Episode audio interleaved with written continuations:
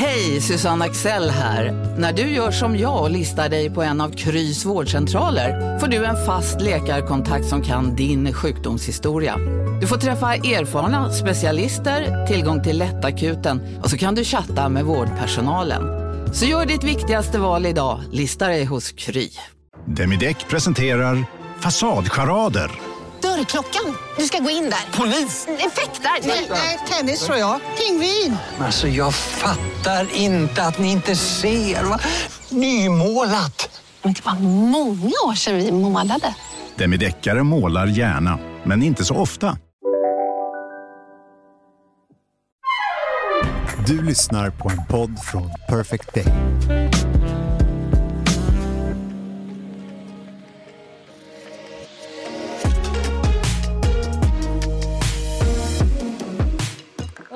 Får jag pausa i eh, mitt eh, program här då.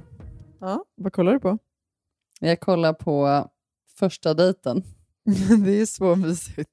Jo, men jag kollar bara på det för att jag eh, har betat av några säsonger Gift vid första ögonkastet och sen så nu när jag bara så skulle trycka vidare, Mm. då är det liksom, då måste jag vänta en vecka till nästa avsnitt. Nej. Jag har ju liksom betat av alla säsonger. Det vill säga, jag, jag har ju tänkt att, de har, att alla finns ute.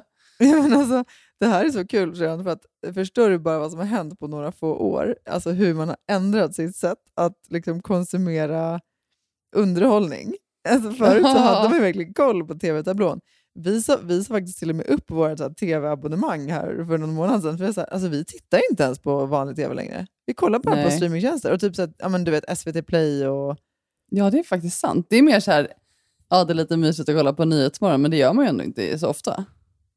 Ja, nej, alltså det hinns inte riktigt med i vårt liv just nu i alla fall. Och om jag vill se någonting då kollar Nej, men jag bara så här, alltså, att det är inte så att man följer något program på tv direkt. Nej, exakt.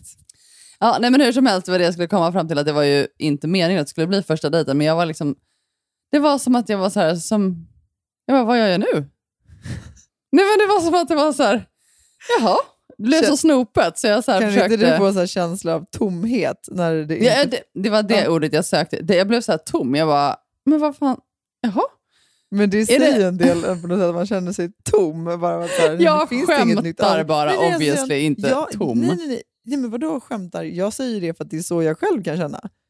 Men det, det, det blir bara så snopet, så då googlade jag på SVT Play, då googlade jag dating.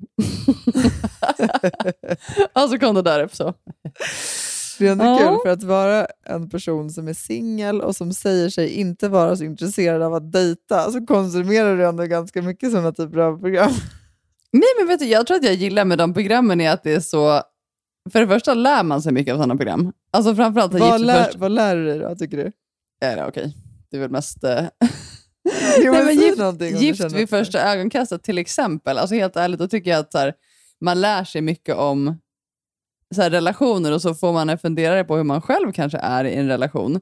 Ja, men det håller jag med om. Men då är Alltså, det de tar ju upp- psykologer som pratar om hur man Jo, men kan exakt, hantera det är det jag menar. De tar ju upp mycket issues och sen kanske man ser så här, men gud, så där är de mot varandra och det där är ju... Alltså jag menar bara så här, man blir medveten om beteenden. Ja, det håller jag med om. Så på det sättet tycker jag, då gillar jag sådana typer av program när det är så interaktion mellan människor och sen så... Ja.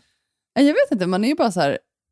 Jag vet inte vad det är, men så är det ju de senaste liksom, tio åren att man är så intresserad av vad andra människor gör.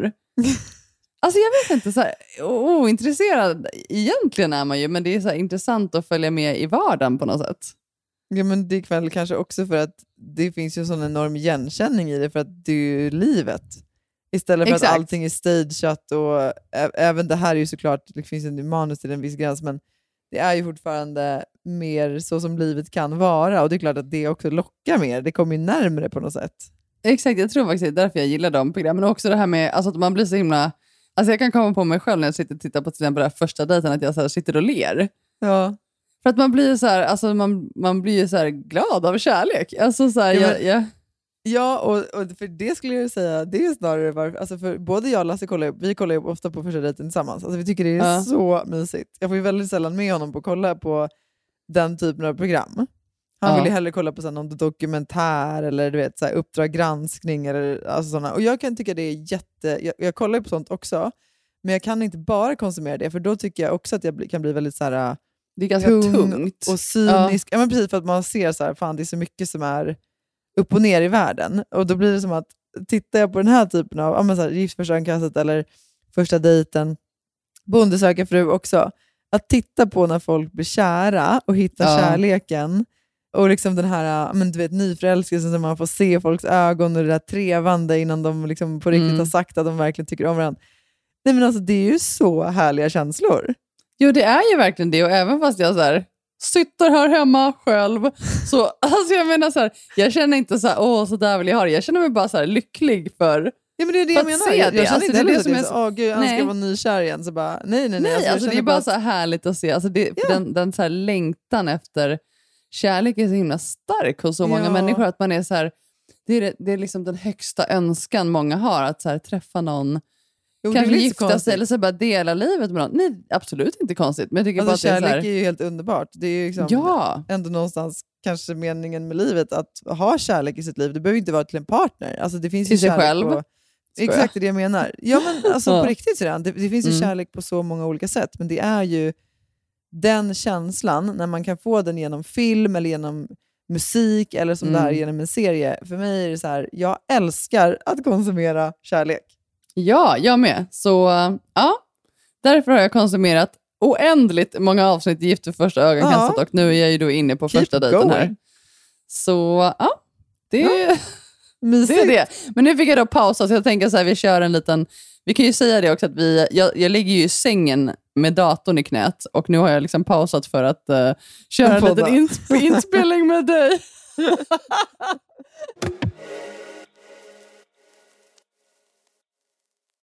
Älsklingar, den här veckan är ju Under your skin med oss igen i podden. Vi älskar ju bra produkter som är bra för oss Mhm. och våran kropp. Och Det är faktiskt så att alla Under Your Skins produkter är naturliga, veganska och ekologiska. Och det här är det bästa. Utan några onödiga kemikalier. Det vill vi inte ha, Saker som kan påverka vår kropp negativt, det vill vi bara bort. Usch, försvinn. Ja. eller hur? Vi har ju jobbat med Under Your Skin länge och eh, vi har fått lite frågor eh, kopplat till deras produkter. Så nu tänkte vi bara lite kort idag köra lite lyssnarfrågor. Kul! Eh, en fråga vi har fått är ju hur snabbt minskar håravfallet från och med att man börjar använda eh, ja, men hair growth? Ja, just det. Alltså, precis, för de har ju ett eget hair growth kit. Jag använder ju den och har ju använt den nu eh, ett bra tag. Och jag var tvungen att faktiskt gå in och kolla på deras hemsida vad de skrev. För min upplevelse var ju att det, det minskade bara redan under första veckan. Det gick jättefort från att jag kunde känna skillnad när jag borstade håret på hur mycket hår som fastnade i borsten. Då har jag ju såklart också kikat och det är ju faktiskt det också som de själva rapporterar, att det ska gå så fort om det inte är så att man har någon särskild diagnos. Ja, såklart. Ja, men gud Ja, vad grymt. och, ja, men, så det är en sån, sån här sak med att ja, men dels om man borstar då ser man ju hur mycket som kommer på borsten, men också alltså, man skulle till och med kunna typ, så här, väga håret bara för att se ja. skillnad. Jag märker jättestor skillnad. Okej, eh, vi vi har ta- en till lyssnarfråga, Ja, eller hur? ja, men exakt. Eh, har du någon? Det här är en fråga som jag tycker är skitbra. Det är så här, kan man kombinera hair growth serum med detox shampoo och balsam?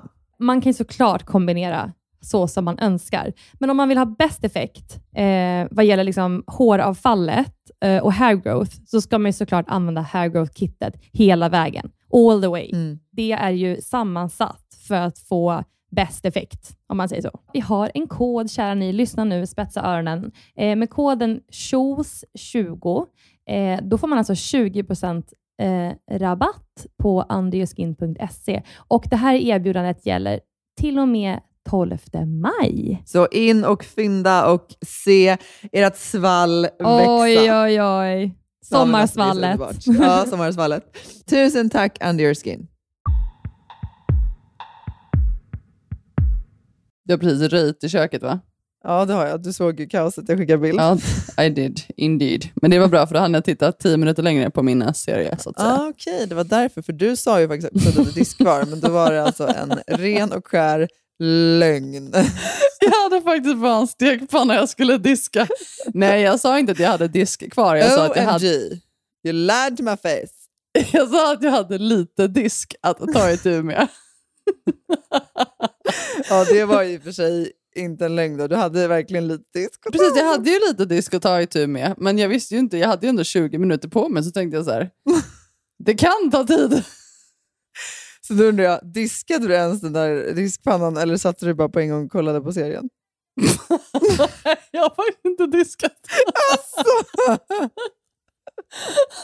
Jag visste det. Ja, Ja, ja, ja. Ja. Nej, men prioriteringar i livet, det är viktigt. 100 procent, 100 procent kände jag att... Uh, nej, men jag får diska sen. Och sen kände jag också så här, när du inte skulle, om du skulle kommit hit och poddat, tänkte jag så här, då hade jag nog diskat. Ja. Men nu när det är bara, it's just me! då, får den, då får den stå. Men på, på, sånt också med att här, lämna disken. Vi lämnar ju typ aldrig disk på kvällarna. Nej, det är ju inte jag heller. Jag, jag, alltså jag har nog aldrig gjort det heller. Nej, men det jag skulle komma till var, jag tycker egentligen att ibland att det hade kunnat vara skönt att kanske göra det. Alltså för att är hur det- skönt är det att vakna på morgonen med ett berg disk? Nej, det är ju det som är problemet. Och det blir som Ja. att hur trött jag än är, alltså det kan vara att jag liksom... Vi är ofta så här, den som nattar tar inte köket. Alltså, ja. Ja. och då, då blir det att den andra då får ta köket. Då kanske det blir att... Ja, och då kanske det har varit så här, att jag har suttit i soffan då istället och blivit så här sjukt trött eller typ så här somnat framför tvn och så vaknar man till och säger jag måste verkligen gå och lägga mig nu. Och så är hela köket kvar. Men ni gör ju inte så här, alltså ni tar ju aldrig i köket liksom direkt efter maten. Alltså jag är lite mer, nu har jag ju, nu är jag ju, Jo, det gör vi ju nästan alltid. Gör ni? För jag tycker allt, oftast ni låter saker stå kvar och sen så tar det tid och sen, sen tar du det. Nej, alltså som till exempel nu, nu har ju barnen ätit klart, då var ju klockan typ sju. Ja. Och då börjar Lasse med nattningsproceduren. Så Okej, då och då tog du godnatt, då går han Ja. upp med barnen och då börjar jag ta köket. Ja, okej. Så gör vi nästan alltid. Alltså, så att den ena tar barnen och den andra tar köket. Ja, det Men- blir inte lättare för att man skjuter på det. Nej, nej, men det jag skulle komma till var i alla fall då, de gångerna om jag har skjutit på det, för att jag kanske till exempel hade behövt jobba någon timme eller du vet, jag behöver göra någonting så att jag, så här, jag får ta Mm. det där sen. Då kan jag fortfarande inte bara låta det stå när klockan är typ så här 12 och jag egentligen så här, "Gud, jag måste Nej. verkligen gå och lägga mig. Utan då, då blir det som att jag så här, det blir liksom som någon typ av så inre stress av att det ser ut som det gör i köket. Att så här, Nej, nej, men jag fattar det. Jag, jag måste få bort det här. Ja. Men jag önskar att det inte spelade så stor roll, för det, det är ju i sammanhanget skitsamma. Jo, jo, det är ju skitsamma, men som vi pratade om, alltså jag tror att för mig handlar det om att jag vill inte vakna på morgonen och behöva diska det första jag gör, utan jag vill så här vakna och så här, åh, nu ska jag laga frukost. Alltså jag tror, för det, det är det mesta för mig. Det är därför jag inte lämnar disk eller någonting så här på kvällen, utan jag vill bara så här vakna till en ny dag utan Ja. att behöva starta med att städa. Alltså, Ta tag det är, i gårdagens skit. Precis, gårdagens skit. Alltså, nej, nej. Så att jag, är, jag, är- nej, jag har nog aldrig, alltså aldrig ska jag inte säga, men jag kan inte komma ihåg att jag har lämnat disk så mycket alls, Nej. alltså tills på morgonen. Nu ropar Jack efter mig här. Ja, älskling. Ja, ma- mamma poddar. God natt hjärtat. Sov så gott. Ja, Ja, nej men eh, hur som helst. Att, han, disk att jag eller- pratar med min Ellie. Ja, min Ellie, ja, han säger ju, han blir helt galen när, han, eh, när jag ringer honom. Ja, det är underbart. Ja. Men du syrran, ehm, jo, du har ju suttit med din eh, medförfattare idag. Kan inte du berätta lite om vad, vad det är du gör? ja, alltså jag har inte, jag kommer inte ens ihåg om vi har pratat om det i podden. Jag tror inte vi har gjort det så mycket. Alltså jag har, jag har gått ut med det på Instagram i alla fall, men jag skriver ju då en bok. Ja, sjukt kul. Jo, men du, Tillsammans- du har nog sagt att du gör det, men vi har inte pratat så mycket om vad... Jag kommer inte ihåg. Ja, ja, men, precis, ja. men jag har i alla fall... Eh, men det var väl några månader sedan jag skrev på nu. Och jag fick ju frågan alltså från Bazar förlag, då, som är en del av Bonnier, Mm. redan 2020. Eh, alltså det året som jag fick min diagnos, eh, så fick jag ett mejl från Anders, då, som är min förläggare, där han frågade om jag liksom, ja, men bara var intresserad av det. Men, jag, men då var det ju... Nej, men jag var inte redo för det då. Nej. Alltså jag, jag var ju liksom, det var första året, det var kaos och, det var, och jag är så glad att jag inte sa ja då, för jag Men, var inte vad redo. var det de ville att du skulle skriva en bok om då? Nej, men om alltså, mitt liv och min, min liksom, utmaning de senaste, ja, men genom det här egentligen. Ehm, Mm. Det var egentligen ingen, de hade ingen så här superstor plan från början, men Anders liksom, som kontaktade mig tyckte så här att, alltså han blev själv inspirerad och, och, och liksom tänkte att jag så här, vill du inspirera andra människor genom att dela liksom, det du har gått igenom? Och det, den tanken för mig Mm. var ju, det var ju det som gjorde att jag så blev lockad av det. Men Mm. jag sa ändå så här att, ja vi kan föra, jag kommer inte ens ihåg exakt, men jag sa inte ja i det skedet för jag kände inte att jag var, men jag orkade inte det.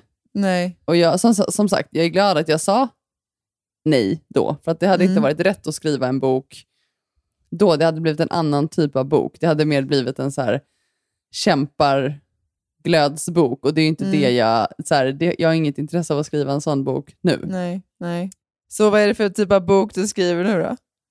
Ja, men alltså, det är klart att det är en, det är ju en bok om, om det som jag har levt i de senaste två åren. Alltså min utmaning genom allt det här och, och hela den biten. Och, och även så här, tillbaka hur jag har levt tidigare och hur det har liksom format mig. Men det som är liksom det största med boken som jag som målet är också med, med att skriva den, det är ju att dela liksom det skiftet som jag har själv gått igenom. Alltså med mina tankar och, och hela den det här inre skiftet och hur jag liksom har vänt den här situationen till bara så här, en kärlek till livet och hur, hur bra jag mår nu och vilken Mm. skillnad det har varit. Alltså jag menar, du, du vet ju själv hur mycket bättre jag mår nu.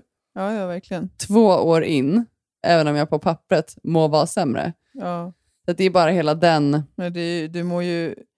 Jag vet att jag pratade med, jag kommer inte ihåg, men det var någon journalist förut, som frågade så här, men hur är det då? Och hur, hur mår Elin? Och så här, för de såklart hör ju också om att här, det inte går åt rätt håll och så. Och så blir det ibland så, så här, det blir sån diskrepans för att för, för mig så, jag tycker att du har ju egentligen aldrig mått bättre än vad du Nej. gör nu.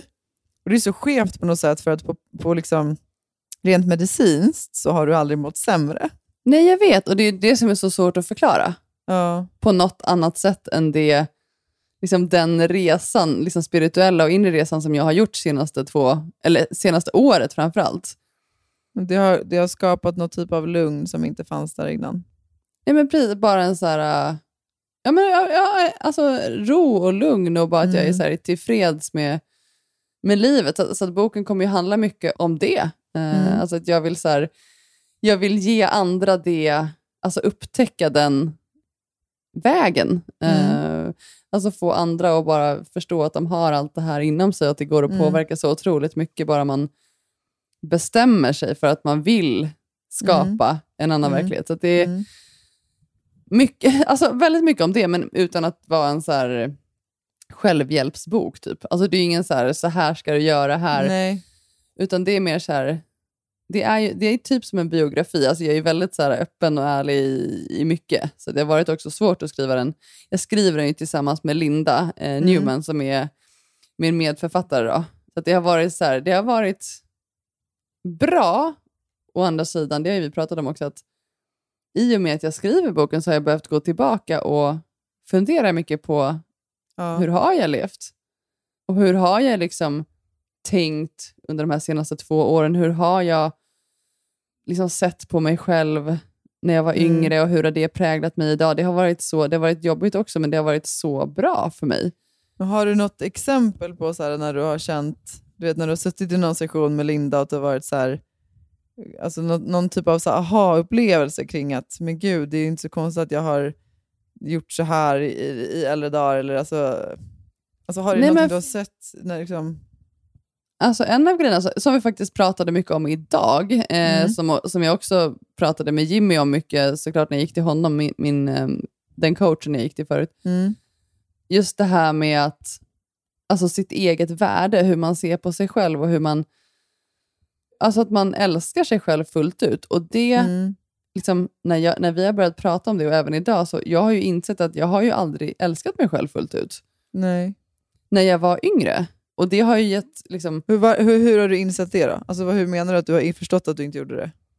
Nej, men det kan vara så här, vad som helst, att man känner att man, man kanske inte är värd det bästa i ett förhållande, eller att man så här, man måste prestera för att vara, vara någon, och man måste så här, eh, se ut på ett speciellt sätt för att, så att vara bra nog. Att jag liksom, alltså det kan vara sådana grejer, att man hela tiden man Men har, har du inte känt dig, kan du känna att du inte har känt, känt dig tillfreds, att du inte har, aldrig har känt dig liksom så här, tillfreds med dig själv, utan det har alltid funnits någonting som ska bli bättre? Ja, men, ja, precis. Alltid Mm. jakten på någonting annat, någonting bättre, någonting som så här, ska göra att jag duger. Och jag, jag, har liksom aldrig, och jag tror att det är så vanligt att man bara så här, inte att jag så här, jag har dåligt självförtroende, dålig självkänsla, att jag, men, men någonstans Fast så det är väl det det, är det det är sedan? Alltså att man har dålig självkänsla och man känner att Ja, man självkänsla inte duger. kanske, att man känner att man inte... Jag, jag har aldrig så här gått runt och tänkt att jag duger inte, men jag har ju förstått nu när vi har skrivit boken också att jag har ju inte älskat mig själv fullt ut. Jag har ju Nej. aldrig känt att jag är värd det bästa och då blir det ju också svårt i allt i livet. Alltså jobb Ja. och familjerelationer och och relationer Mm. till en annan människa. Det blir jättekomplicerat om man inte börjar med sig själv. Mm. Men kan du se att du så här, till exempel då i, i relationer med andra människor, att du har gjort saker liksom av rädsla eller av att, av att du inte haft liksom, vad ska man säga då, någon tillräcklig självkänsla? Eller, alltså, finns det situationer i livet där du känner att så här, Gud, här, här förstår jag varför jag agerade så här, men så hade jag nog inte agerat idag, till exempel? Nej, men det handlar väl mycket om kanske att känna mig otrygg i relationer. Ja. Att jag var väldigt... Men jag ville ha kontroll och, och jag kände mig ofta så här otrygg om den jag levde med var iväg och reste. Och, och, Mm. Alltså det kan vara så här små saker som att jag bara kände att... Eller att jag liksom var okej med vissa beteenden som en partner hade. Att jag bara kände... Alltså, sådana grejer som jag idag hade varit så här... Men alltså gud, jag vet att jag är värd allt. Alltså jag, jag är värd så här, det absolut bästa. Mm. Och det handlar ju om en självkärlek. Mm. Eh, tror jag. Eller jag Mm. vet det nu. Mm. Men har inte du... alltså, jag vet inte, du har ju alltid varit väldigt så här, Du har ju alltid haft väldigt bra självkänsla, men jag tänker så här... Har du alltid känt att du så älskar dig själv fullt ut och bara vet att du är så här... Shit, jag, jag, jag är värd allt. Alltså jag är värd eh, alltså oändlig lycka och kärlek och, och så här. Har du alltid känt det? Ja, alltså det har jag alltid känt. Men sen är det inte samma sak som att jag alltid har agerat ut efter det. Nej. Förstår du vad jag menar då? Alltså jag, jag har Nej, inte alltid riktigt. känt... Nej men okej, jag ska förklara, försöka förklara. Alltså, det, det här det är så svårt för att man, när man var yngre så pratade man ju liksom inte riktigt med andra om så här, hur man tänkte om sig själv. Alltså jag tänker när man var barn. Jag kan bara minnas att jag liksom att jag gick liksom kring i livet och bara tyckte att jag var så fierce. Alltså att jag var, så här, Ja. jag var härlig, jag var rolig. Mm. Och jag tror inte heller att jag tänkte så mycket på vad andra tyckte om mig. Förstår du hur Nej. jag menar då? Att jag var mer fokuserad på vad jag själv tyckte om mig. Ja. Du vet ju det själv, vi har pratat om det i något avsnitt. Så här, men du vet, Noll verklighetsuppfattning alltså. Nej men alltså, ja, kanske. Eller, eller, eller precis tvärtom. Alltså, jag, jag lyssnade mer inåt än utåt. Ja, ja. Alltså, det, jag gick ju jättemärkliga kläder och liksom, jag hade ju ja så här- det vi pratade om tidigare i podden. Ja men exakt, så här, jag hade ju så här, ganska mycket akne och liksom, det var ju inga, ja, det var ju framförallt så här, det var inga killar som var särskilt intresserade av mig, men du vet, det, det rörde inte mig så mycket. Alltså, jag var så himla så här, men alltså, I'm badass. Liksom. Och det, spelar Ja. inte, det spelar inte mig någon roll vad, vad någon annan tycker om mig. Alltså, jag Nej, tycker nej, om men mig. Du var ju verkligen så. Ja, men det jag skulle, det jag sen skulle komma till var att Sen är det inte samma sak, för, för det kan jag uppleva sen, liksom, tack vare att jag blev äldre, så är inte det samma sak som att jag alltid har alltså, levt efter att jag alltid har tyckt att jag förtjänar allt. Eller att, ja, men jag bara tänker som, som mycket som har handlat om mitt jobb.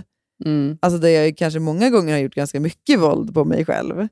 För att liksom prestera eller för att klättra. Ja, och det kommer ju inte från kärlek. Det är det jag tänker, att man är så här... Nej, men det är det jag menar. Ja. Så, och, men det som är intressant med det, det var ju att men framför allt under de åren som jag jobbade som advokat, och det förstod jag ju först efterhand, alltså då tappade jag ju väldigt mycket av både mitt självförtroende men också av min självkänsla. Ja. Jag kände mig sällan tillräcklig, kände mig inte lika härlig. Och liksom, Det var väl för att du fick höra väldigt mycket att du inte dög då? Alltså det var ju, det var ju ett så sjukt arbetsklimat. Jo, precis, och det var också känslan av att man inte dög eftersom det enda man mättes på Var var liksom, prestationerna. Ja, men precis. Mm. Eller hur många timmar man la ner. Eller så här. Och Ja. även om fast man gjorde kanske liksom objektivt sett ett bra jobb så var känslan att du kunde alltid göra någonting bättre. Ja. Ja. Och det är det som är så himla farligt tror jag också, det här med, ja, men jag, det har vi väl pratat om tidigare, men just det här med prestationen, att man är så här, hela tiden behöver bevisa någonting för att vara bra nog. Ja. Och det är det som är så här, jag tror att det lever kvar hos så många. Ja, men jag lever ju med det jättemycket, det gör ju du med. Ja, jag lever jättemycket med det, men jag, alltså det jag är glad över är att jag så här, för första gången någonsin har börjat så här, erkänna det för mig själv. Ja, men samma här. Och jag kommer ihåg de första gångerna som, en av de första gångerna som jag var hos Jimmy för länge sedan. Han var ju verkligen så här, alltså, älskar du dig själv fullt ut? Ja. Alltså från en skala 1 till 10, så här, vad skulle du liksom... Och jag, alltså jag blev ganska så här ställd, för jag hade ju aldrig tänkt på det förut. Alltså så här, om jag älskar mig själv, alltså jag, jag, jag, jag tror att mitt första svar var så här, ja, nej, men det gör jag väl. Men har du aldrig tänkt på ifall du älskar dig själv? Nej, men inte på det sättet. Inte Nej. så här, hur, hur högt skulle du ranka din kärlek till dig själv? Typ. Alltså, Nej, så här, nej, ja, ja. Det blev så himla så här... Men den frågan har man ju inte riktigt fått i sitt vanliga Nej, liv. jag vet. Nej, men, det är klart jag har tänkt på om jag älskar mig själv eller inte. Det, det, det var inte det jag menade. Nej, det, det blev bara så himla konkret att jag så här, nej, jag, är nog inte, jag har nog inte varit så snäll mot mig själv alltid. Nej. Och jag tror att det är också så här, det jag tror är så här att, att anledningen till att man kanske inte pratar om det så mycket heller är för att just den här rädslan i att tappa kontrollen och, och vad andra ska tro, att man så här, om man tappar de delarna, att man så här, blir mindre värd. Mm. Alltså allt det här med prestation och så här, jag vet inte. Alltså jag, jo, för det blir ju också så skevt, för det blir som att då är till och med så här, självkänslan och självförtroendet en prestation i sig. För det har jag ibland känt att så här, ja, men jag har ibland liksom dragit mig för att prata om att jag tycker om mig själv så mycket. ja. För att jag känner att så här, men, skapar jag en, liksom, så här, skammar jag människor som inte känner så och, och lägger jag någon typ av skuld eller någon typ av att det är bättre att tycka om sig själv. Förstår du? Alltså, jag tror att många människor mår ju bättre av att tycka mycket om sig själv och känna sig trygga och, och liksom tillfreds. Men det är ju, man märker ju äldre man blir att det är ju få människor som faktiskt gör det. Ja. Jag tror att i ditt fall också, det är så himla ovanligt att tänka så höga tankar om sig själv. Så jag blir så här, bara att höra dig prata om att så, här, jag har alltid tyckt så bra om, sig själv, med, om mig själv. Jag, alltså, för mig låter det bara så konstigt. Alltså jag vet inte, konstigt, men det låter så här, jag bara, det är ju liksom inte så vanligt. Eller alltså, Nej, men för mig, för mig, och det här tog ju lång tid för mig innan jag förstod att de flesta inte tycker så. Så jag har ju ofta tänkt när folk är så här, om att man inte är snäll mot sig själv eller man står i spegeln och säger att man är äcklig eller att man är tjock eller att man inte duger. Ut för mig är det så här, men, men va? Varför, varför gör människor så? Det, Ja. du vet, för mig har det varit så här, men, men varför, varför vill man jag göra säger så det, du, är lite, du har ju varit lite så här verklighetsfrånvänd, helt clueless. Och bara? Nej, det handlar inte om att vara clueless. Det handlar väl snarare Men om jag att jag har... skämtar syrran, man måste ju få Jag- skoja med Ja, dig. ja, ja, det är klart att du får skoja, men jag tycker fortfarande att det är viktigt att, för det, det, det vi blir intalade, vi tittar i filmer, i serier, du har pratat om det förut med så Kardashians eller alla liksom reklampelare, var vi än går, så blir vi hela, hela tiden itutade att vi inte duger. Ja. Det är ju det enda vi får veta. Så med Ja, det sagt verkligen. så är det, ju, är det ju inte så konstigt att de flesta av oss tycker och tänker så. Nej, nej, men självklart. Och jag tror att det är också så här, det här pratade jag faktiskt med en av mina bästa vänner Maria om idag. Just det här med, för att jag har ju, ja men så här, jag, jag, jag tränar mycket mindre idag, alltså nu, Mm. än vad jag gjort tidigare. Jag har börjat köra lite mer yoga, jag vilar mer. Alltså jag är så här, och för mig har det bara, ja men det har bara blivit så. Alltså det var inte så Mm. att jag, jag har inte bestämt mig från en dag till en annan, så att nu ska jag, slu, nu ska jag inte träna lika mycket. Eh, men jag har bara så här, jag, jag har lyssnat mer på kroppen och känt så här, okej jag, jag vill träna mindre nu, för jag känner för det. Mm, mm. Och hon, hon har gjort likadant och vi pratade idag om att det är så här, för oss som alltid har tränat mycket, alltså då har man ju en så här syn på sig själv, alltså hur man ser ut, mycket med kroppen. Alltså att man är så här, Mm.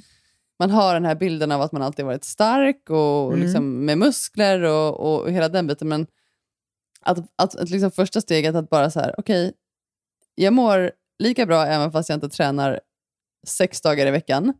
Och jag känner Mm. mig liksom tillfreds med det. Det var mitt första, men det vi pratade om också, så här, alltså nästa steg där jag vet att jag inte är än, det är det här med att även acceptera att kroppen förändras. Mm. Att det är så här, och jag säger inte att så här, jag, jag, alltså, om jag inte tränar lika mycket styrketräning, ja, jag kommer säkert inte ha lika mycket muskler alltid. Eh, alltså så är det ju, men, men allt förändras ju. Alltså, jag menar, du kommer inte se likadan ut när du är 60 i kroppen. Och det, för att komma till en, så här, eh, för att komma till en slutsats med det resonemanget var att så här, både jag och Marie var liksom överens om att nej, vi är inte där än. Just den här acceptansen i att okej, men om man har förändrat vissa saker i livet, då kan man Mm. inte ha kravet på sig själv att du ska se ut exakt som du gjorde när du var 25. Nej.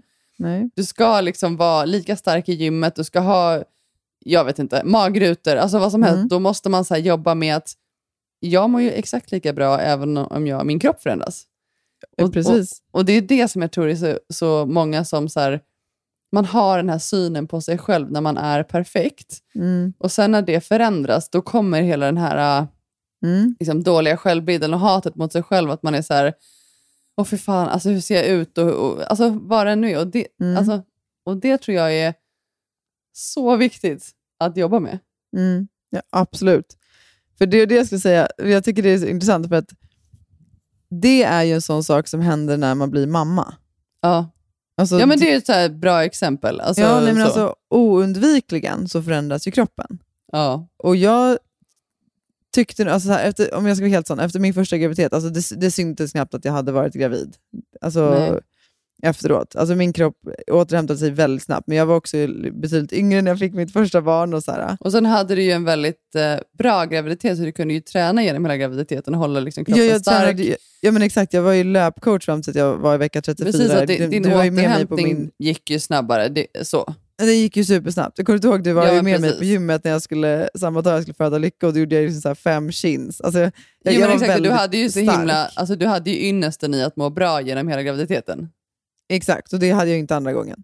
Nej, Så då precis. tränade Och- jag ju kanske så här tio gånger under hela graviditeten. Ja, precis. Nej, och jag, jag har ju däremot fortfarande så här, för det tycker jag, det är ju också så här min utmaning. Jag har jobbat jättemycket med det senaste åren i att, och där kanske det har mer egentligen handlat om eh, alltså, eh, vad ska man säga, så här, den fysiska styrkan och känslan i kroppen än faktiskt hur den ser ut. För jag tror, som Mm. sagt, jag ammade ju liksom Lykke i första, eh, ammade henne i tre år. Alltså, vet, min kropp har redan förändrats på det sättet. Så jag är lite så här, Ja. det comes with a package. Eh, så. Ja. Du kände aldrig så att så här, nu ska jag komma tillbaka till som jag såg ut förut. Du kände aldrig så? Nej, men jag kände inte att det är att komma tillbaka till någonting egentligen. Alltså, det är ju bara så här, livet är... Alltså, jag, jag tänker Nej, men syrran, du förstår vad jag menar. Det är ju så Ja, många, Jo, det är men det många det- jagar. Att man ska Jag hela vet, tiden det är hitta tillbaka till när man Exakt. var som... Men det är därför jag vill säga att jag tänker att det inte är tillbaka. Alltså, livet är hela tiden framåt. Alltså, det är nu eller framåt. Det är liksom ingenting som det var förut. För att nu, så här, nu står man med ett barn, om jag tänker som det var... Nej, nej, men så är det ju självklart. Jag menar bara att de flesta tänker nog så. Ja, jag det är säger inte att det är, så. Jag menar bara nej. att de flesta har någon bild av att så här, Åh, jag vill hitta tillbaka till som jag kände mig eller såg ut förut. Jo, jo, och Alltså, det är klart men att jag det är en väldigt så... orimlig bild att ha, tänker jag. Det är det jag menar. Nej, alltså, det... Ja, eller det här är också så här komplext. Men du förstår inte vad jag menar. att- Jag menar jo, alltså, jo, jo, men sedan, om, sedan, om, du, om du låter mig så är det klart att jag förstår dig. Ja, Jag hade lyssnar lite, absolut ja. känslan av att, så här, att jag också ville tillbaka till liksom, Jag menar, det låter min, så himla... min Det låter så, person. ja, det låter så konstigt Men- när du säger så här, nej men gud, jag tänkte inte på det alls. Nej, nej, bara, men livet förändras. Elin, det, är inte det, det är inte det jag säger. Om du låter mig prata till punkt så, så Okej, får jag ja. berätta. Jag säger att jag hade absolut känslan av att så här, jag ville liksom, tillbaka till att känna mig som mig själv. För att när man har gått och burit på ett barn i nio månader så, så här, du får ont i ryggen, alltså väldigt mycket förändras. Men det jag skulle säga är att, och, och det och det här kommer tillbaka till ditt samtal som du hade med Marie då. Min upplevelse, även om jag liksom tyckte det hade varit nice att se ut exakt som jag gjorde innan, så i alla fall för egen del så blir inte fokuset lika stort på hur man ser ut efter att man har fött barn. Så var det i alla fall för mig. Om jag hade haft ett Okej, större ja. fokus på det innan så blev det lite mindre. För att det finns andra saker som liksom upptar ens tid och ens uppmärksamhet. Alltså, Jo, det Så- fattar jag, men med det sagt, det är klart att det inte var oviktigt för dig. Det är det jag försöker komma fram till. Att så här, det är klart att det fortfarande var viktigt för dig att du ville komma tillbaka i kroppen efter graviditeten. Det är det jag försöker komma fram till. Det var, det var helt, inte alls viktigt, eller? Jo, men jag tror bara att det är olika saker. Alltså, det, en sak kunde vara så, ah, det, det är svinviktigt för mig att jag ska se ut som jag gjorde innan graviditeten, därför har jag en plan för det, hur jag tränar, hur jag äter. Alltså, nej, det hade inte jag redan. Men det är också, jag ammade jättemycket, då går man ner mycket i vikt. Jag fortsatte att leva som jag hade gjort innan. Jag åt samma sak som jag hade gjort innan. Alltså, därför, min, jag återhämtade mig ganska snabbt och då kanske det inte heller var att jag hade en känsla av att, så här, att jag gick och bar på någonting som var jobbigt för att jag inte för att jag var långt ifrån hur jag såg ut innan. Jag såg ganska lik ut som jag var innan. För att jag, alltså, förstår du vad jag menar? Det är med det jag vill komma till. Det kanske hade varit så att jag hade känt mycket starkare att så här, Gud, jag vill verkligen komma tillbaka till hur det var om det hade varit en stor diskrepans. Men det var ju inte riktigt det för mig. Jo, jo jag fattar. Jag vill bara att så här, Jakob, du kan klippa bort det sen. Det, det blir bara inte så ödmjukt när du är så här, nej men gud, jag hade noll tanke på det. Och så här, jag Men, men det, var inte det, det var inte det jag sa, utan alla har ju olika förutsättningar. Vissa, vissa kvinnor ser väldigt annorlunda ut efter en graviditet och kommer göra det resten jag av sina försöker liv. bara få dig att bli lite mer ödmjuk inför hur vissa känner. Det är det jag försöker. Jo, men, jo, men Elin, Elin, nu ställde du en fråga till hur jag kände. Jo, och jo, med okej, det sagt, Jag tänker bara Precis, att det blev men- lite men mycket Elin- när det var så här, du har alltid sett, älskat dig själv över allt annat. Så blev det ytterligare en grej som det var lite Men- så här, men- men det som händer nu- också. det, ja, precis, men det är väldigt intressant, för det som händer nu, det blir ju återigen som att det är någonting fult att tycka att man är okej. Om jag Nej, jag har inte att sagt så här, det syrran. Jag bara, Jo men syrran, om det nu är så Okej, att vi- vi släpper jag, det här nu. jag Jakob, har absolut tankar.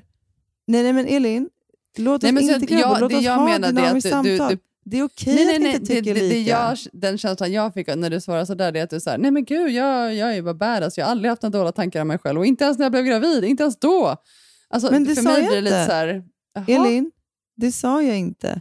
Jag Jo. sa ju att jag, för min, jag sa ju att min kropp återhämtade sig väldigt snabbt. Och Jag sa att om den inte hade gjort det, då kanske jag hade haft mer sådana tankar. Men Okej. du vet ju själv hur jag ser ut. Jag ser ju typ ut som jag gjorde innan jag fick barn, så därför kanske det inte är så att jag har så mycket sådana tankar. Nej, Först- okej. Nej, men det kanske hade varit annorlunda om min kropp inte hade återhämtat sig. Det vet jag ju inte. Jag kan ju bara svara utifrån hur min upplevelse är. Och Jag tycker fortfarande att det är viktigt att om man nu känner att saker och ting är okej, så måste man också kunna få säga det. Det handlar inte om att jag inte är ödmjuk inför att andra människor kan känna på ett annat sätt. Självklart, det är jag ju fullt medveten om. Okej.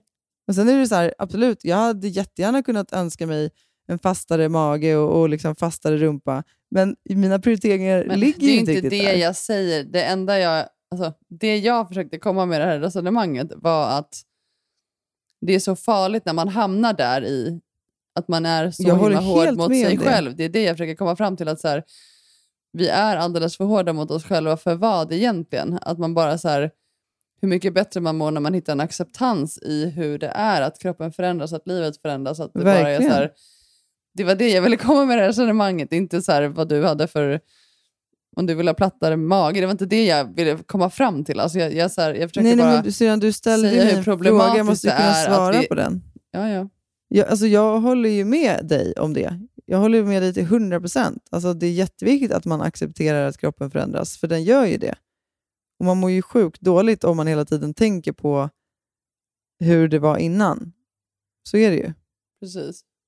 Så jag tror att det är jättenyttigt. Och det är en sån sak, det är det jag skulle säga.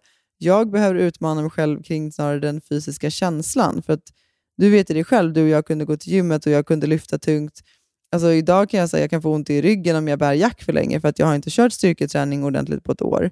Ja, det är en sån sak som skapar jobbiga känslor i mig. För att jag känner att så här, men gud, jag är 34 år och jag känner mig svag. Eller, ja, att, och det behöver jag jobba med eller när jag går ut och springer. Att jag förut kunde hålla liksom, ganska bra tider per kilometer och, och nu så är jag inte ens i närheten av de tiderna. Och Det skapar jobbiga tankar i mig för att jag är van vid att prestera och så vidare. Så att det, finns ju, man, det finns ju olika saker som man behöver jobba med när det kommer till liksom en förändring som sker i livet, tänker jag. Jo, ju såklart. Och du det är okej att vi inte tycker lika om allting. Nej, men, jo, jo, men det känns inte som att du förstod vad jag menade. Jo, men jag förstår absolut vad du menade, men, men du frågade ju mig sen så här, hur har du känt? Jag måste ju också kunna svara på det, eller? Eller du kanske inte Jo, frågade jo. mig det, det var bara det jag upplevde det som. Jag kommer inte ens ihåg det, men strunt samma. Vi, vi har ju, bara- nu vi pratat om det från olika perspektiv. Det måste vi kunna göra om vi har ett dynamiskt samtal, tänker jag. Jo, jo absolut. Jag var bara, jo, jo. Det var bara inte riktigt, det tog bara inte den riktningen som jag tänkte, men, men så är det ju i livet. ja, men vad, hade, du någon så här grej du ville, som du kände som att så här, det var det här jag inte ville, ville få fram då, som du inte fick fram? Nej, strunt samma. Jag, jag vet inte. Alltså, det var mer att jag, jag, tyckte, jag ville mest diskutera kring hur, hur man som kvinna oftast är så himla hård mot sig själv och framförallt att man lägger så mycket fokus på, på kroppen och så här, men då blev det lite svårt när du aldrig hade upplevt det. Det var med det. Det är svårt att liksom... Men vad menar du? Måste vi tycka samma om allting för att kunna lyfta ett Nej, fenomen? nej, nej, nej, alltså självklart inte. Men eh, vi, vi kan, eh, vi släpper det, den, diskussionen.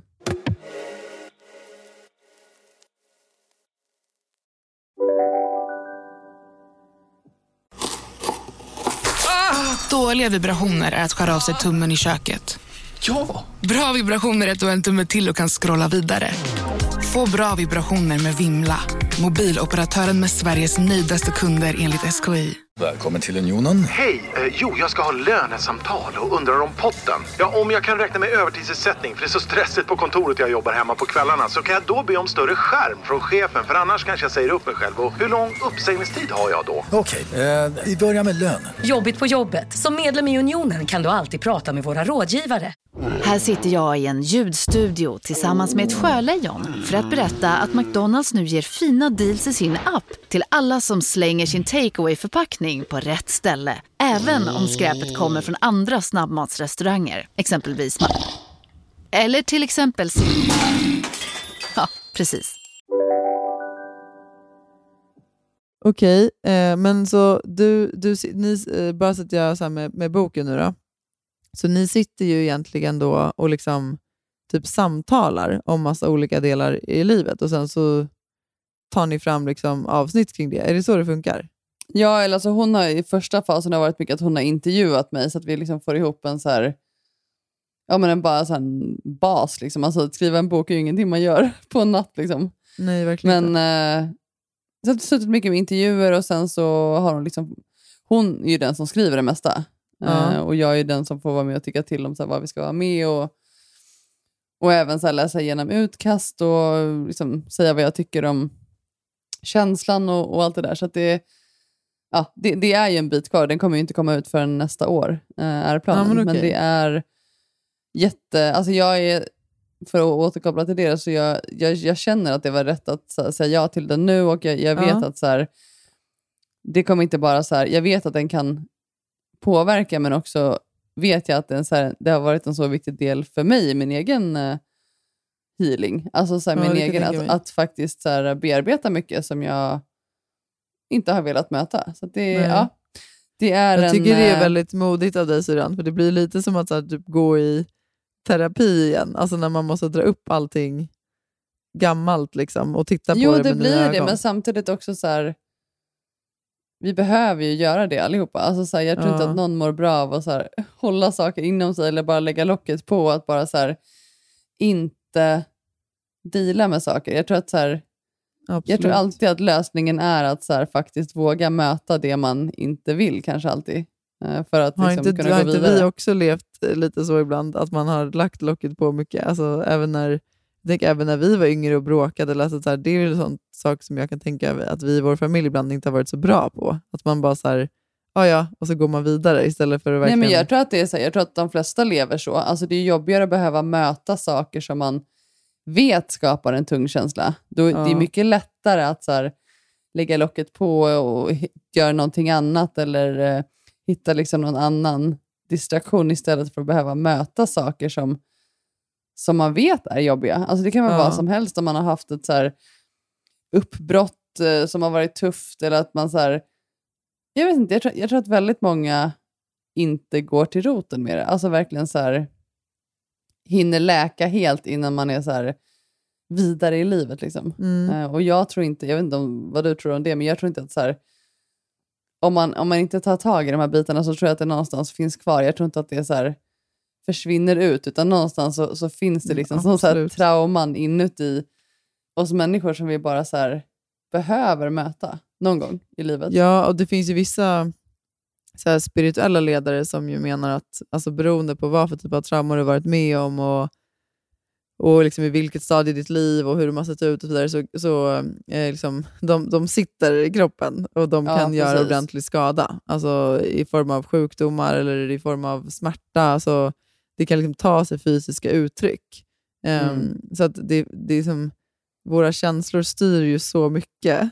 Ehm, och våra tankar styr ju också så mycket. Så därför så är det ju som du säger också det här med, ja, som du var inne på, det här med att, så här, hur vi tänker om oss själva och, och ifall vi accepterar oss själva eller inte. Alltså, det, är, det är så otroligt viktigt. För att Jo, det jo, jo, påverkar så många delar i vårt liv. Och jag tror att det är så här, jag tror, alltså, det är svårt att säga, så alla är olika, men det känns som att vi blir mer och mer, går mot ett mer och mer så tillåtande klimat i att så här, man kan våga visa sig mer sårbar. Alltså jag tänker ens för våra föräldrars eh, generation, att då var det så här, ja men, det var ju fortfarande, alltså, det är fortfarande inte helt så tillåtet för en man att kanske gråta och visa känslor idag, alltså normativt. Men jag tänker då, alltså det var ju på ett helt annat sätt. Alltså du, du skulle ju inte gråta, eh, alltså som man till exempel. Nej.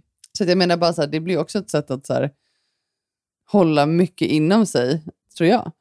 Så Ja, det, det- blir att man hittar sina strategier såklart för att ändå hantera det. För att det är ju inte så att bara för att du inte gråter så känner du inte smärta eller du, liksom, sorg, utan känslan finns ju likväl Ja. där. Men den tar sig ju uttryck på andra sätt i så fall.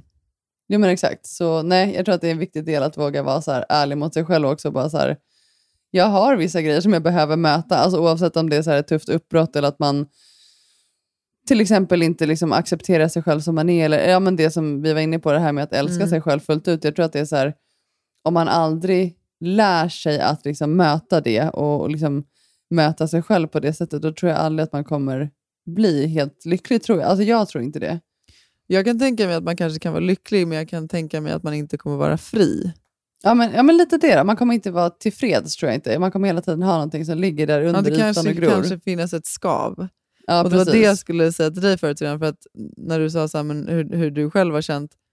Jag har ju märkt ju äldre jag blir dock, att jag fortfarande är ju väldigt inne i så prestationssnurran. Alltså det är ju Mm. vi båda två.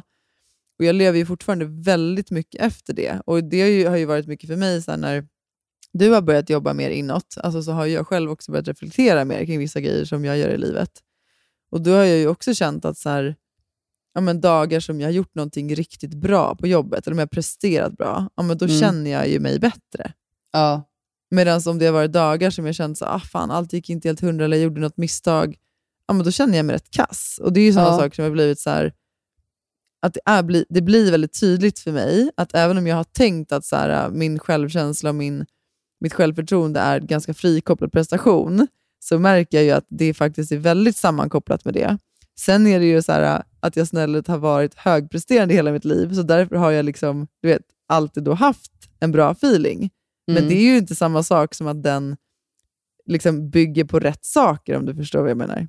Nej, Nej men det är, det- och det är det som är inte farligt. Alltså det är ju både positivt och negativt med att ha alltså prestations, alltså leva i det också. För att Mm. så här, jag ser det också som en styrka att ha liksom höga mål och, och liksom vara nyfiken på livet och ett driv. Alltså det är ju också Mm. något positivt. Mm. Men baksidan är ju också mycket det här med liksom värder, hur man värderar sig själv efter sina prestationer. Det är det som är Ja, men verkligen. farligt om det blir så att man, att man liksom identifierar sig för mycket mer. Ja. Att hela livet rasar samman om det inte blir exakt som man har tänkt sig eller man inte får höra att man har gjort ett bra jobb. Eller man har, ja, men jag, jag, alltså, kan tänka mig att du skulle ha jobbat på ett projekt i, i många veckor och vara så sjukt nöjd och bara känna så här shit.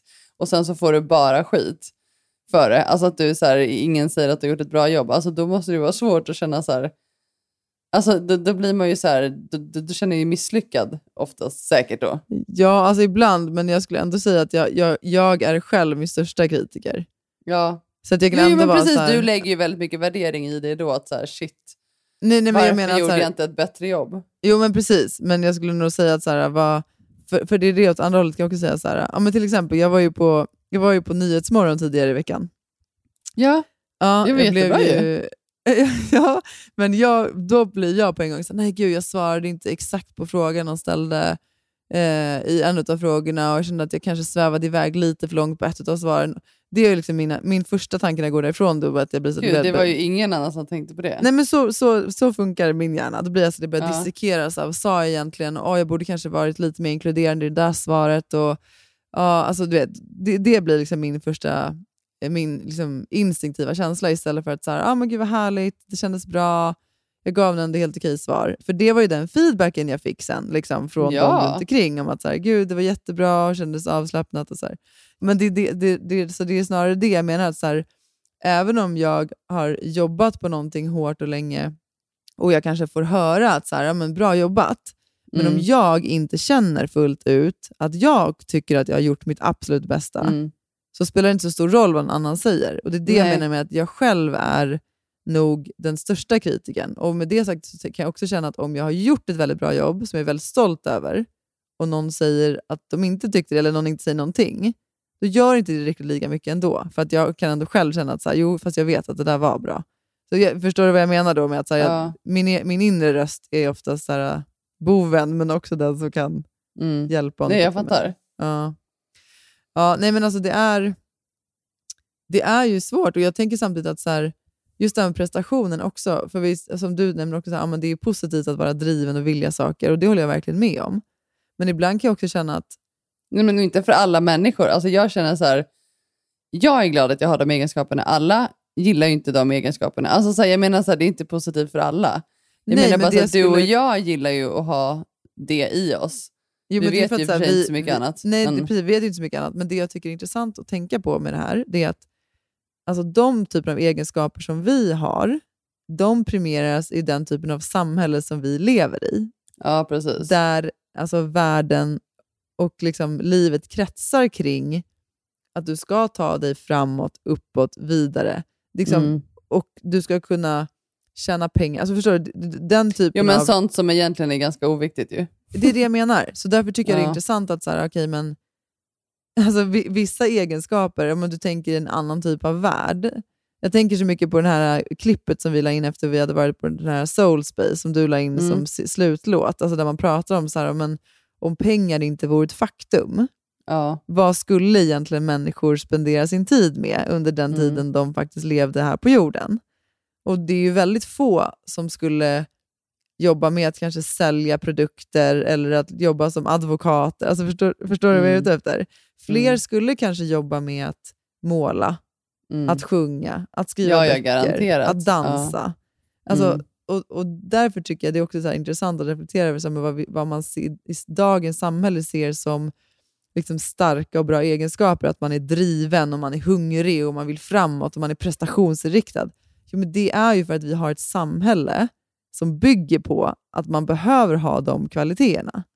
Jo, men precis. Om man då inom situationstecken ska lyckas. Alltså, ja, exakt Det vi så. pratade om förut, så här, vad, vad, vad det innebär också, framgång och, och lycka. och Ja, så här, vilket är, liksom, det är samhällets syn på, på vad det är. Eh, Precis så. Nej, men det är...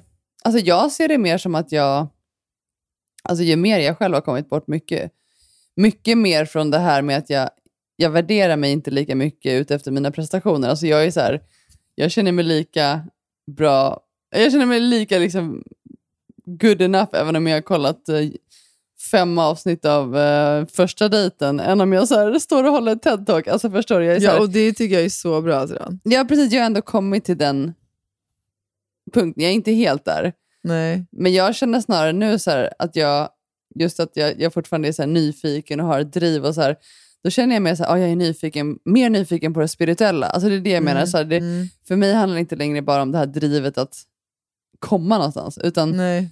nyfikenheten för mig nu är så här, jag är nyfiken på livet, jag, jag är nyfiken att Men lära lära känna mig mer. själv. Ja, men Ja. lära mig mer. Så det är Mm, det jag tror att, så här, jag vet inte. Men jag känner exakt likadant. Och jag, tror att, jag, jag tänker att så här, jag vet att jag också har massa saker som jag behöver jobba på, eller som jag vill, inte behöver, som jag vill jobba på. Ja, precis, det har ju alla. Ja, men exakt. Men jag tänker också att så här, ett första steg är ju att börja bli medveten om vad det finns för saker i ens liv som gör att det finns någon typ av skav, eller som gör att man Ja. inte är helt liksom aligned med ens drömmar Ja. och ambitioner och alltså att allt, allting bara är zen Ja. mode. Eh, Ja. Och det är så här, för någonstans är ändå första steget, tänker jag. Mm.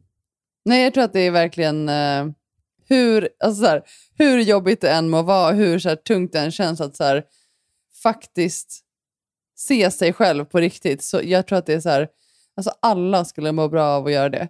Absolut. Oavsett vad det är, alltså bara gå tillbaka. Så här, hur, hur var min uppväxt? Alltså hur, hur har jag blivit den jag är? Och hur, Mm. hur har liksom mina relationer påverkat mig? Mm. Hur känner jag mig i vissa situationer och varför känner jag mig så här? Mm. Alltså jag, I en grupp till exempel, känner jag, att jag, så här, känner jag mig otrygg? Känner jag att jag måste bestämma? Alltså, hur, vad, Mm. vad beror det Mm. på? Alltså hela den...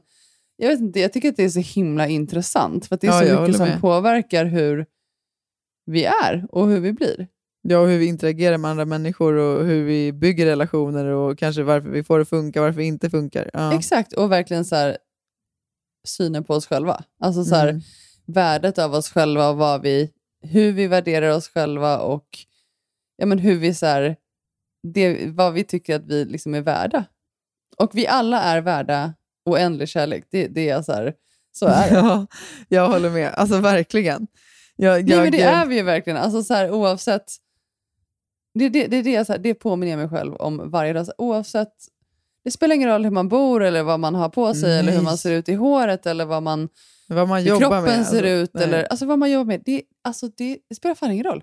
Nej. Alltså in the end of the day, det enda som spelar någon roll, alltså det är så här, hur man känner sig. Vad Mm. man så här, lever man ett liv som man känner att man, man lever fullt ut. Alltså det känner jag så här, det är det enda som betyder någonting. Mm. Nej, Oavsett verkligen. vad. Så det, är- nej, det är... eh, Men det är lättare sagt än gjort. Ja, det är sjukt svårt. För att det är också det om man ska prata om så här, vad det är för typ av samhälle vi lever i. Så vi blir ju hela tiden, upplever jag i alla fall, hela hela tiden så här bortknuffade från att faktiskt få lyssna på vår egen röst och lyssna på Ja. vad vi... Ja, men så här, det blir så väldigt personligt, men jag kommer ihåg när vi var på det här retreatet förut, så man gjorde ju väldigt mycket meditationer. Ja. Och vid en av meditationerna då, då fick jag som en så här, du vet, jag, jag verkligen kände som att jag hade som ett här extremt starkt liksom, ljus som bara ville ut ur mitt bröst. Jag kan liksom Ja. inte förklara vad, så, du vet, jag fick Aha. bara bilda mig själv när jag sprang i en skog och sen så liksom strålade den här, eh, det här ljuset så extremt så starkt ut över, liksom, ja, men bara så här, ut över min omgivning. Jag kan inte förklara vad Mm. det var, men jag bara, det kändes väldigt så starkt. Och så har jag liksom försökt tänka på mycket av att, så här, men vad, liksom, vad, vad är det egentligen som, så här, som gör att liksom, hjärtat slår fortare, som gör att man blir mer Mm. passionerad, som gör att man vill leva mer och känna mer. Och Jag tänker att så här, för varje gång vi liksom sätter på tvn, eller vi läser nyheterna, eller vi konsumerar sociala medier, så, så blir vi hela tiden, alltså, vi kommer lite, lite längre bort ifrån liksom, vårt egna inre ljus Ja. och vad vårt eget hjärta egentligen säger. För att vi ser så här, okay, men så här borde jag se ut, det här huset borde jag bo i, den här bilen borde jag Mm. köra, de här skorna borde Vi jag blir köpa. ständigt påminna om hur det borde vara. Exakt. Mm. Istället för att lyssna på så här, men vad vill jag egentligen? Ja. Och De pratar så mycket om det på, ja, men som Josefin, jag, alltså, jag, kan inte prata nog om Josefin och Karl för de är, fan, det är mina gurus, men Josefin pratar mycket om så här, vad är sant för dig? Ja, precis. Alltså att man ska ställa sig den frågan oftare. Så här, men vad, vad är sant för dig? För det är inte samma sak som att så här, allt du läser på nyheterna eller sättet du ska leva eller hur du ska, liksom, din eh, familjebild eller din, par, din parrelation eller din icke-relation eller Mm. ditt jobb. Alltså hela den här grejen om hur, hur vi ska leva. Mm. Är det sant för dig? Ja, Mm. okej. Go for it. Men om det inte Ja. är det, Nej. lev inte så då. Men jag bara den här grejen med att så här, kanske inte ha barn, alltså vara i en viss Exakt. ålder, fortfarande vara singel och så här. Det pratade jag väldigt mycket om med, när jag var iväg i Tyskland nu med, med, med Oscar. För att, Ja. Jag menar, vi har ändå levt ihop och vi, vi liksom... Men bara den, jag menar, han är ju över 40, inga barn. Alltså så här, Ja. och, och, och bara den, ja, men så här, samhällets bild på att så här, i den åldern, alltså då bör man ju ha, man bör ju leva med någon och man bör ju ha kanske en eller två barn. Men bara så här, han var ju också så här, för jag, för jag är ju också där nu, att så här, alltså så här, jag vet att jag kommer vara lika lycklig även om jag inte får egna barn. Och det för mig är så här, det tror jag också är så viktigt, också, så här, för vad är sant för mig? Nej, alltså, nej, jag kanske inte ens vill ha egna barn. Nej. Om jag verkligen så här, lyssnar innerst inne så Ja. vet jag inte ens om jag vill ha det. Oavsett Det är vad, jätteintressant. precis, Ja. oavsett vad samhället säger. Och han var ju likadan så här att han, nej, alltså om han inte känner att han träffar någon som han så här, verkligen, verkligen vill ha barn med, ja, men då kan han vara fine med att inte ha det. Ja. Oavsett, så här, och det, det, just barngrejen tror jag är så himla så här, att, man, att många känner sig stressade över just det här med att man här, shit, jag är över 30 som tjej. Alltså jag har ingen, ja det är panik. Alltså bara så här, och hela den grejen med att man, livet går ut på att man ska, meningen med livet är att skaffa barn och få en egen familj. Alltså, för, ja, för många, inte för, För alla. vissa, ja. Precis, Nej, alltså, det är exakt. det som är så här, eh, det är verkligen, Ja. ja. alltså vad, vad är sant för en själv? Alltså oavsett vad. Men det, och det är det som är, det kräver ju mod också att våga gå tillbaka till sig själv och verkligen känna in. Ja, Oavsett. för jag skulle säga det så här, och hur hittar man då vad som är sant för en själv? Men Mm. jag tror på riktigt att det handlar ju mer om att så börja då, ja, men att börja titta på vad i livet ger mig energi, Ja. vad i livet blir jag lycklig av, var känner jag att, så här, att jag kommer bäst till min rätt? Ja. Eh, liksom, vad är det som får mig att liksom, få fjärilar i magen? Alltså, alla de sakerna. Oftast så finns det, jag menar, finns det ingenting i ens liv som man lever just nu, där man kan känna att någonting skapar de här känslorna, Mm. men då måste man ju verkligen liksom försöka fundera kring så här, men gud, finns det någonting annat som Ja. det kan vara? Alltså som, Exakt. för- det tror jag också är en sån grej om att om man inte, jag tror att det är mycket lättare såklart att bara leva på. För det är ju det vi ofta gör. Det är det mest bekväma, det är det, är det enklaste sättet, att man bara så här Absolut. anpassar sig i mallen och kör. Liksom. Det är ju ingen Ja. som ifrågasätter då heller, utan Nej. då, det blir lite, lite lättare. Absolut. Men jag kan också känna att så här, den dagen man sen inte lever längre, alltså, alltså vilken ändå enorm ångest att känna att man inte gjorde det man faktiskt älskade eller Mm. brann för. Och då är det det som du har inspirerat mig så mycket i också. Att så här, och det är det vi pratade om det bara precis i början, när, när jag sa att jag upplever ändå att du är som lyckligast nu. Mm. Men det kanske också är för att så här, men du får till vardags liksom inspirera andra människor till att våga ta andra val. Du liksom har en vardag där du går och tränar när du behöver det. Alltså set aside att du går igenom liksom cancer och har liksom tuffa behandlingar och så vidare, så är du fortfarande tillfreds för Mm. att du lever ett liv som du själv har designat på något sätt. Precis, och jag lever ett liv utan en jakt på att det borde vara på ett annat sätt. Eller det, alltså jag är bara så här, jag är bara tillfreds med hur det är. Jag är liksom inte... Ja. Nej, jag lever ensam, jag har inga barn. Alltså jag, alltså jag är bara så här, det spelar ingen roll för mig. För jag Nej. mår bra. Alltså, så- och, och Ja. det är det som är så himla... Det är en så skön känsla. Alltså jag, är inte så här, jag, har, Ja. jag har ingen oro för hur, hur det kommer bli framåt egentligen, alltså med de delarna i livet, alltså med relationer eller vad som helst. För jag är så här, what's meant to be, alltså när det kommer till sånt, det kommer att ske då. Det är väl underbart att känna så? Ja, ja, det är jättehärligt. Och då får du en tillbaka kaka då, för tänk på alla de som inte känner så, syrran. Är du inte lite oödmjuk? Men med det, här, jag har ju inte alltid känt så. Jag har ju alltid sökt kärlek för att jag har känt mig liksom, eh, att jag behöver Jo, men jag, någon. menar, jag menar bara det att så här, man har ju i olika delar av livet kommit till olika insikter. Det är ju så det är. Du har ju kommit till väldigt många insikter i den här delen av livet som bara är så jävla härlig och skön, men där många andra inte har gjort det såklart.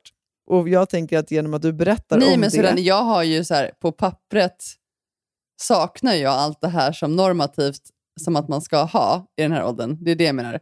Jag har inte barn, jag har inte familj, jag har inte en partner. Alltså, jag, alltså förstår du vad jag menar? Nej, och men trots det jag menar det, det- så är jag tillfreds. Det är det jag menar. Ja, men sedan, jag menar ju också att det är någonstans så här, för vem bryr sig egentligen? Alltså man Nej, tycker nej, så här, på precis. pappret. Alltså så här, ja, det, då är det ju egentligen en själv som är så, ja, jag borde ha. För Exakt. jag tänker ju aldrig så här, åh gud, alltså syrran, hon har ingen partner, alltså, hon har inga barn. Alltså, det tänker Fast jag inte vet att ni, alltså, ni har ändå varit här genom åren innan jag hamnade i det här. Eller så här ja, men jag har hört det från ja, men jag vet inte, släktingar eller whatever. Så här, "Men har du inte träffat någon nu? Nu, nu är det dags att du träffar någon. Så här. Alltså, Mm, det men har man ju hört genom på åren. Handen på hjärtat syrran, har du någon gång känt att jag har varit så här, det är dags nu att du träffar någon? Nej, nej, det har du inte. Nej, det är kanske snarare från äldre släktingar. Ja, ja, för att det precis. är av det äldre gardet där man är väldigt van vid att så här, det är exakt så det ser Mm, ut. Exakt. Det ser ju inte riktigt ut så Still längre. single! Nej, men det är bara det. Jag får säga det till mina äldre släktingar att eh, de, har ju lite, de som dejtar mig har ju lite att uh, deala med. Så att säga. Det, det är inte en dans på rosor alla gånger. jag skämtar. Det, här blir, det här blir ett helt annat avsnitt att dy- dyka in i varför är det inte en dans på rosor att dejta Elin Kjos? Vi kan börja ha så här egna terapisessions här i podden istället. Du, OMG, ska jag inte anmäla dig till nästa Bachelorette? Vänta, Bachelorette? Men, ah, att jag ska vara Bachelorette? Jag trodde det var... Eh, ja. Jag bara, vad fan, det är ju killar som söker in till Bachelorette. Jag fattar ingenting. Nej du syrran. Jag, eh, jag gillar hellre att ligga hemma i min säng och kolla Bachelorette. Married at first sight. Ja. Jag har Bachelorette också. Nej, nej, nej, för fasiken. Inget sånt. Men tack Nej. för, eh, tack för tanken. Ja, jo. Mm, eh, nej, absolut. Ja. Eh, nej, sedan, ja, vi skulle egentligen prata om eh, lite amning idag, men vi pratar om det nästa gång istället. Jag tror Nu att det vi- här, vi har, vi har nu har vi pratat så länge. och vi har eh, svävat iväg och haft terapi, vad heter det? terapisessions här och allt möjligt. Så nu, eh, det blev ett, herregud vilken röra. Nej, det blir ett jättehärligt avsnitt, ett liksom inklipp från livet så som det är nu. Precis. Livet är dynamiskt, det är ibland tjafs och eh, det lider inte alltid som man har tänkt sig. Och det är det som är livet. Ja, så är det faktiskt.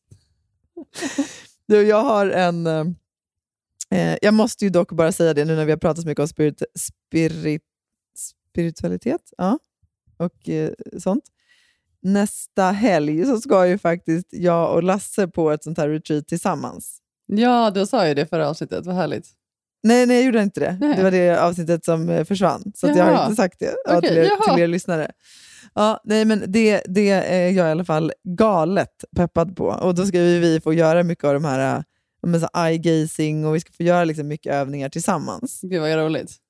Ja, och det, jag ser så mycket fram emot att liksom få göra det tillsammans med honom. Det ska bli väldigt, väldigt fint. Som Eh, par. Ja, det tror jag, att det, alltså, shit, Ja, det tror jag verkligen som är så här, någonting som kan stärka. Ja, så jag lovar att berätta lite om hur det var sen. när Mm, vi väldigt där. gärna. Mm. Jag vill gärna veta vad Lasse tycker om fridans också sen. Ja, Mm. jag kan ha eh, inte nämnt just eh, att det kommer. eh, så att, eh, jag att det får bli en överraskning för honom. Ehm, jag har en jättebra slutlåt idag sedan. Vad hade du för eh, slutlåt då? Eh, jo, men det är en låt som eh, Jack är helt manisk i. Och eh, Han kallar den för Ta-A-A. Ja, vad är det då för någon? Ja, mm. Och det är en låt som heter Conchi, nej, Dame to Conchita, tror jag den heter. Mhm. Det är en grön groda som dansar. Eh, och sen går det någon typ av så här, Dame to Conchita, ah, ah, ah. Shit, jag hade lite så höga förväntningar med tanke på slutlåten efter förra avsnittet, men eh, det känns som att det här är en annan, typ av... Den, exakt, en annan typ av slutlåt. Men det är också, du kan, du kan youtuba den här nämligen, för den här grodan dansar på... Jag har än så länge inte bestämt mig för om det är extremt olämpligt och alldeles för översexuellt eller om det är kul. Så du kan ju googla själv. Men det är också ljud i den här låten som låter som en kvinna som stönar. Låter du din son lyssna på det? Nej, de har alltså lyssnat på den här på förskolan. Ja, och det är därför oj, de ja, har det velat se på det. Så lite- därför har det blivit så här, is this funny or is this highly inappropriate? Ja, jag får lyssna då. Men den är i alla fall jättekul och de ser ju liksom inget sexuellt med den. Så att än så länge har jag landat i att nej, det är jättekul och han dansar och det får vara superhärligt. Så att ja, den lägger vi in som slutlåt tycker jag. Härligt. Härliga Mm. tider. Härliga tider. Nej, men jag har inte tid med dig så mycket längre faktiskt, för att jag har ju då, vad är klockan nu? Nu är klockan då tio i nio, så att man, jag vill ju hinna med något avsnitt till här innan det är läggdags då för tant här hemma. Just det, innan det ringer på din eh, mobil så där det står läggdags. Ja, precis. Notis om att nu är det dags att lägga sig. Jag skojar, jag... Eh, vad är klockan? Nej, men jo, men li- lite, lite tid. Ja, ja, ja, okej. Ja, nej, nej, men vi lägger på, absolut. Prioriteringar som sagt. Mm, jag är ju riktig partyping när jag ska gå och lägga mig typ vid tio. Ja, men eh, det är bra, man ska gå och lägga sig vid tio. Ja. Du Syrran, jag älskar dig. Ja, jag älskar dig. Sorry för att det blev lite Trevlig- bråk.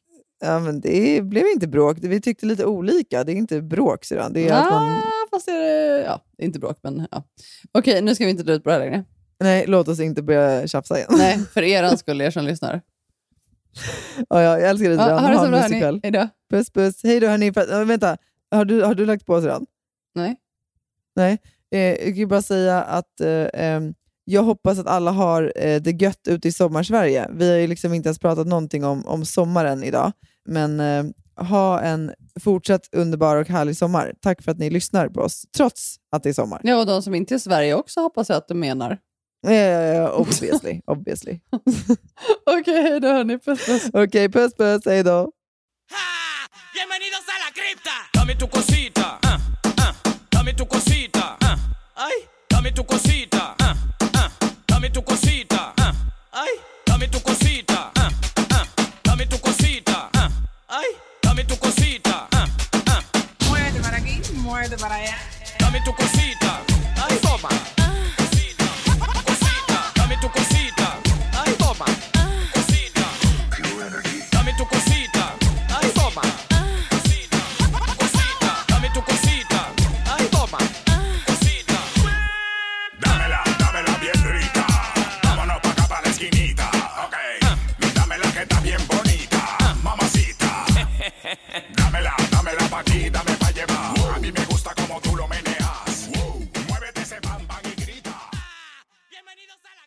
Den här podcasten är producerad av Perfect Day Media.